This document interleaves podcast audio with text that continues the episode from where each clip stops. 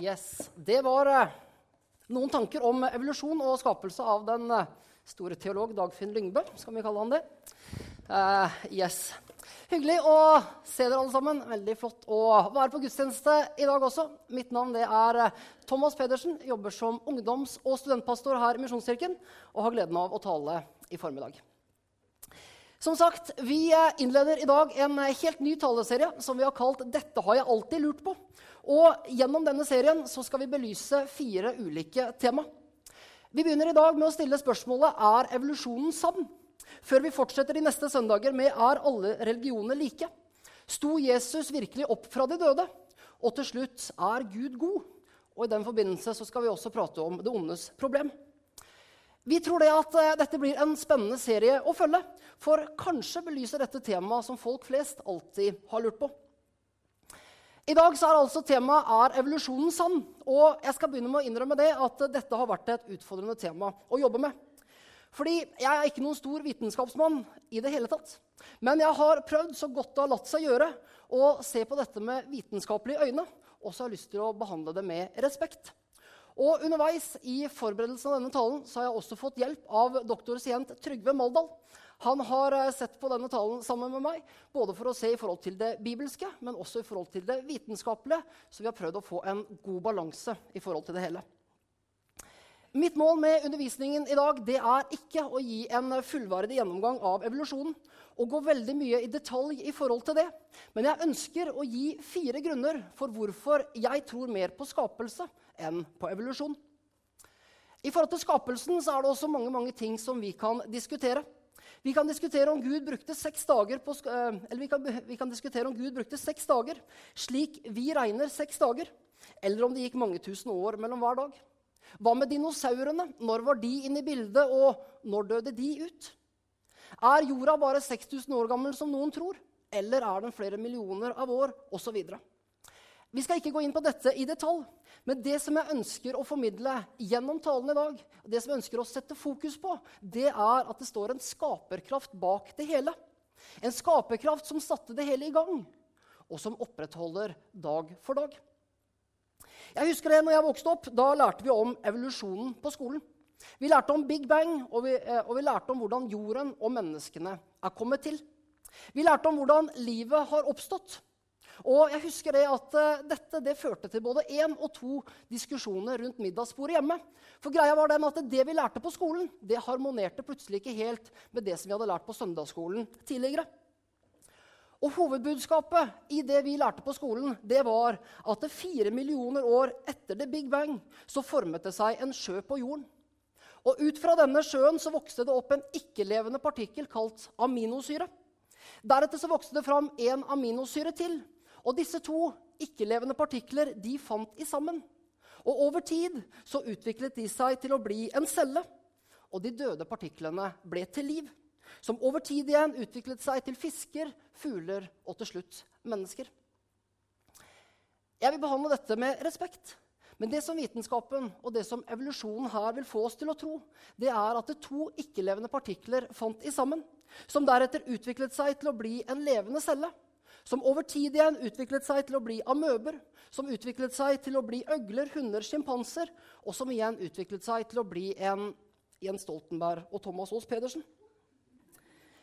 Evolusjonsteorien vil at vi skal tro at hvis vi bare gir to døde partikler nok tid, så vil disse døde partiklene utvikle seg til å bli mennesker. Jeg tror av hele mitt hjerte på skapelsen. Og jeg tror at alt liv kommer fra en skapergud som satte det hele i gang. Jeg tror ikke at alt vi ser, bare har blitt til ved en tilfeldighet. Men jeg tror på det som står i første Mosebok 1.1, at i begynnelsen så skapte Gud himmelen og jorden. Og jeg tror at derfra stammer alt liv.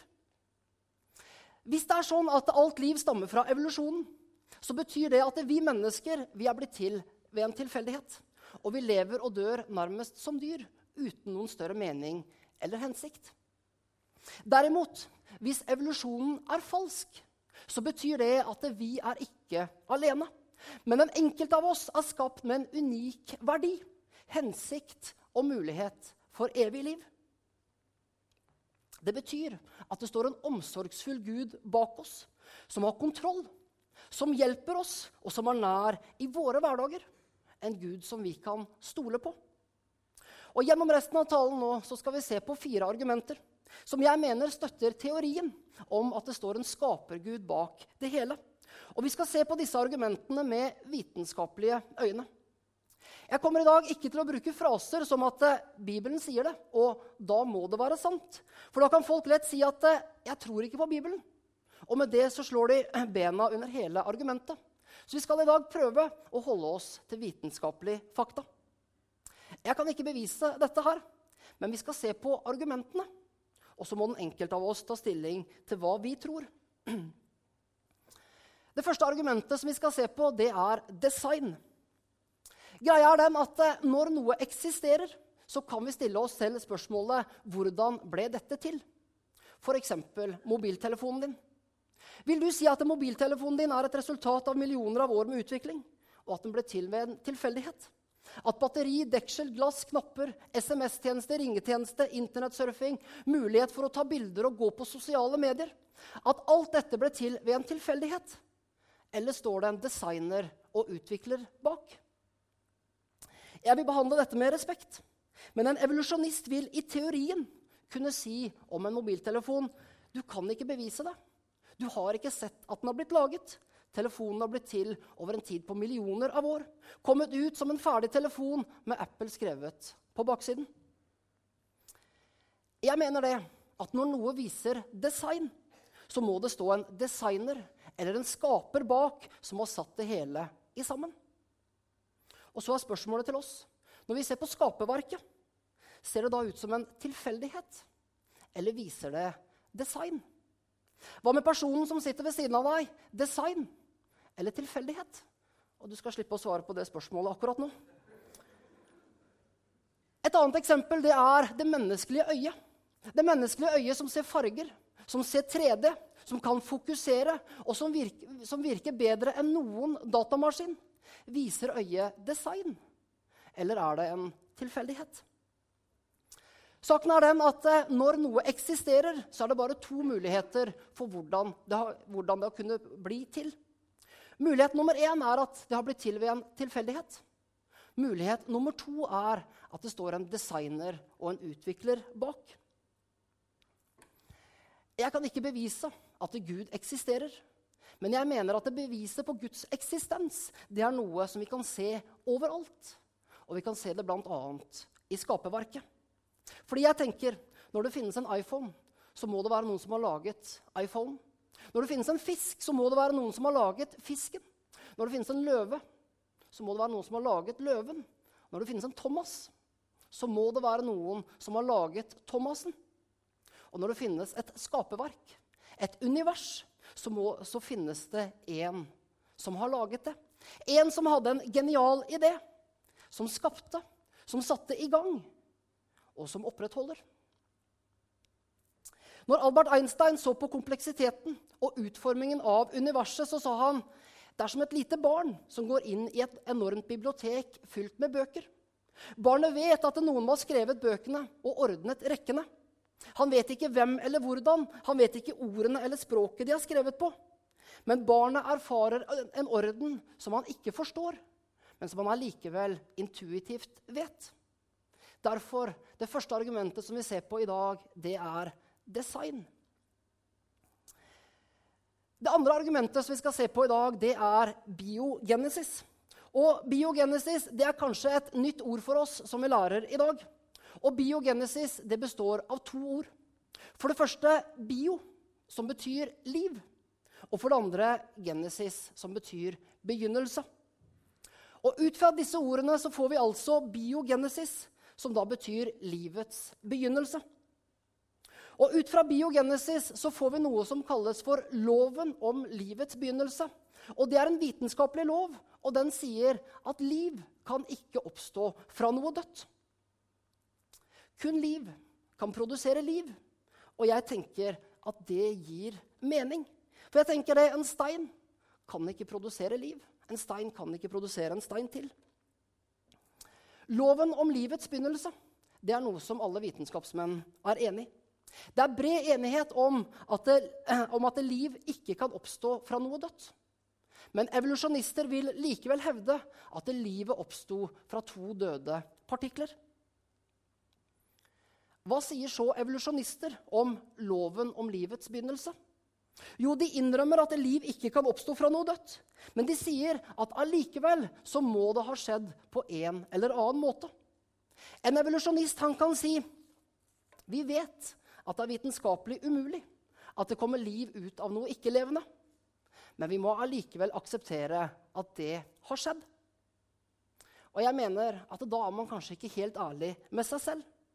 Og loven om livets begynnelse det er et uløst problem for evolusjonister. Så Det tredje argumentet, eller det tredje punktet som vi skal se på i dag, det er entropi.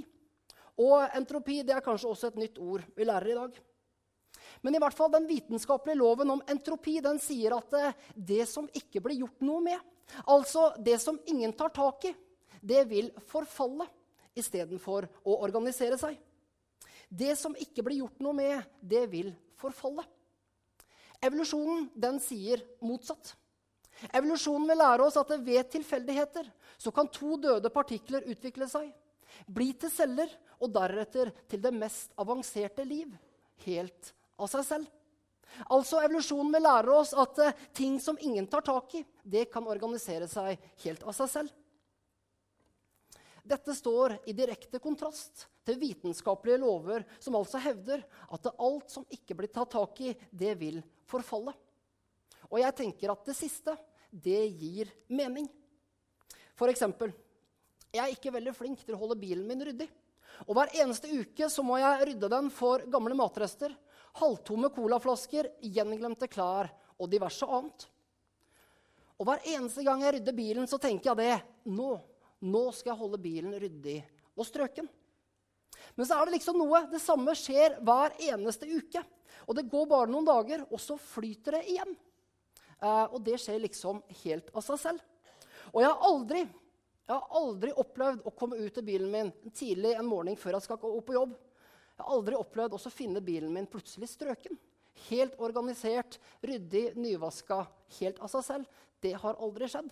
Men at den forfaller, det skjer. Gunn Rakel, kona mi, hun har, heller, hun har heller, heller aldri opplevd å legge seg en kveld med et enormt rotete kjøkken, hvor hun plutselig står opp dagen etterpå, og så er kjøkkenet strøkent. Helt av seg selv.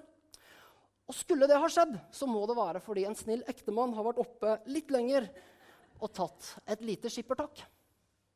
Saken er den at eh, ting forfaller heller enn å organisere seg. Og loven om entropi det er et uløst problem for evolusjonister. For evolusjonister vil hevde at universet, skaperverket, det går framover.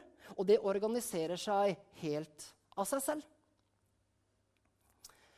Relatert til dette har vi også det vi kaller for fintuning av universet. Og Forskere har funnet ut at det er minst 75 fintunte aspekter til vår verden. Og hvis bare én av disse var en bitte liten anelse annerledes, så ville alt liv opphøre. For eksempel, hvis jorda vår bare var én grad nærmere sola, så ville vi blitt stekt. På den annen side, hvis jorda bare var én grad lenger vekk fra sola, så ville vi fryst til is. Én grad. Hvis jorden roterte saktere, så ville vi brent opp. Hvis jorden roterte fortere, så ville vi fryst til is eller flydd ut i atmosfæren. Et annet eksempel det er månen. Det at månen eksisterer og har en avstand til jorda på 384 000 km, det er en forutsetning for liv. For gravitasjonskraften fra månen legger til rette for flor og fjære, sørger for oksygen i havet og gjør bl.a. at plankton, som er helt nederst på næringskjeden og forutsetning for liv i havet, kan overleve.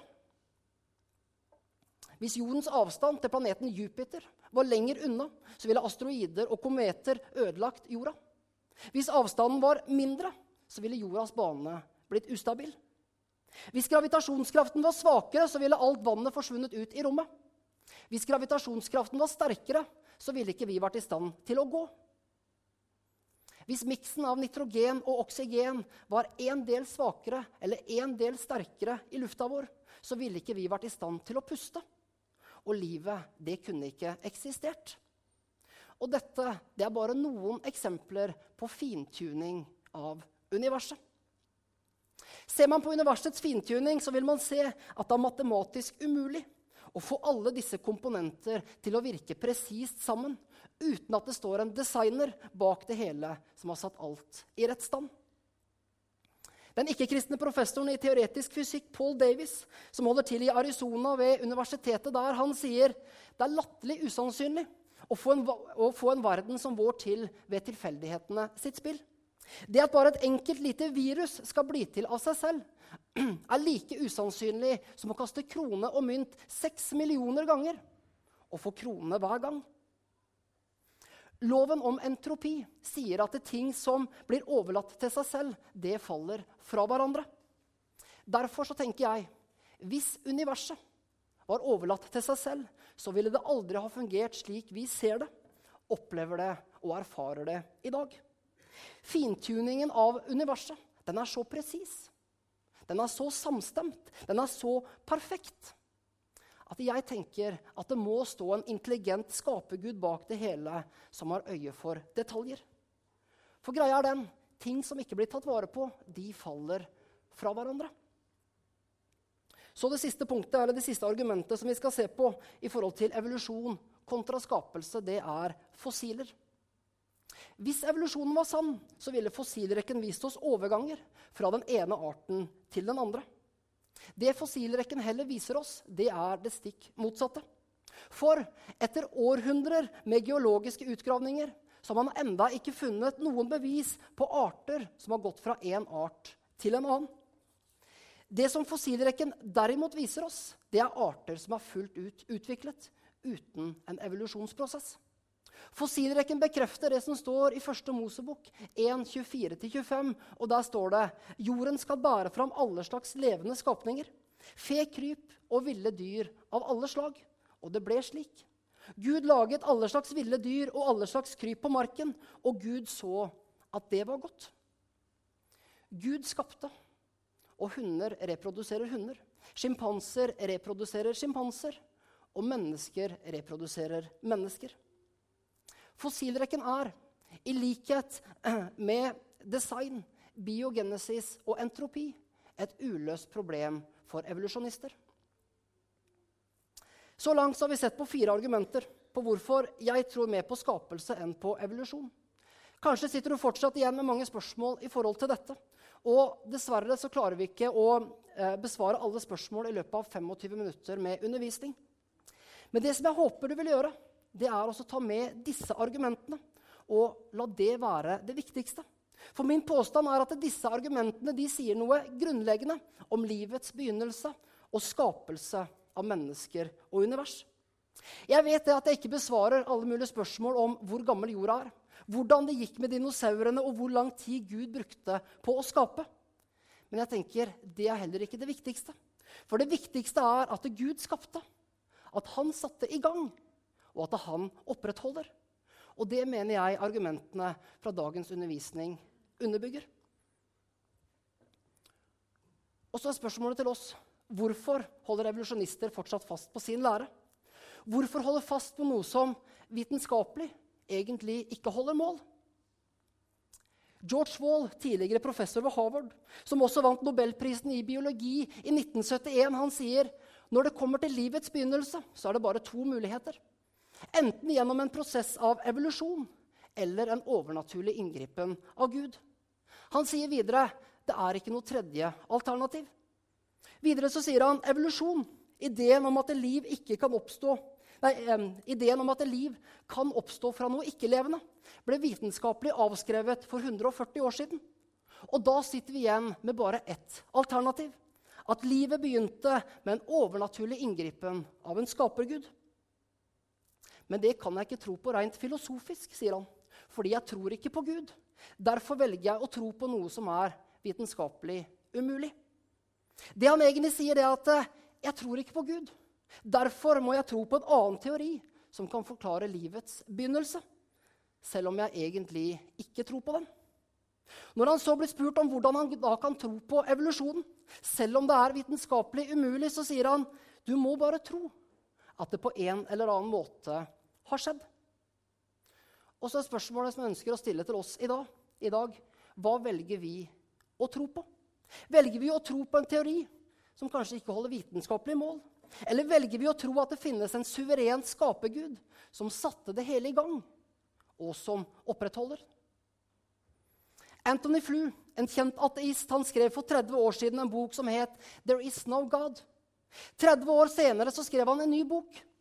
Og denne gangen så het boka 'There Is A God'. Anthony Flew var en anerkjent og kjent ateist, og han sa tidligere jeg vet at ikke det finnes noen Gud.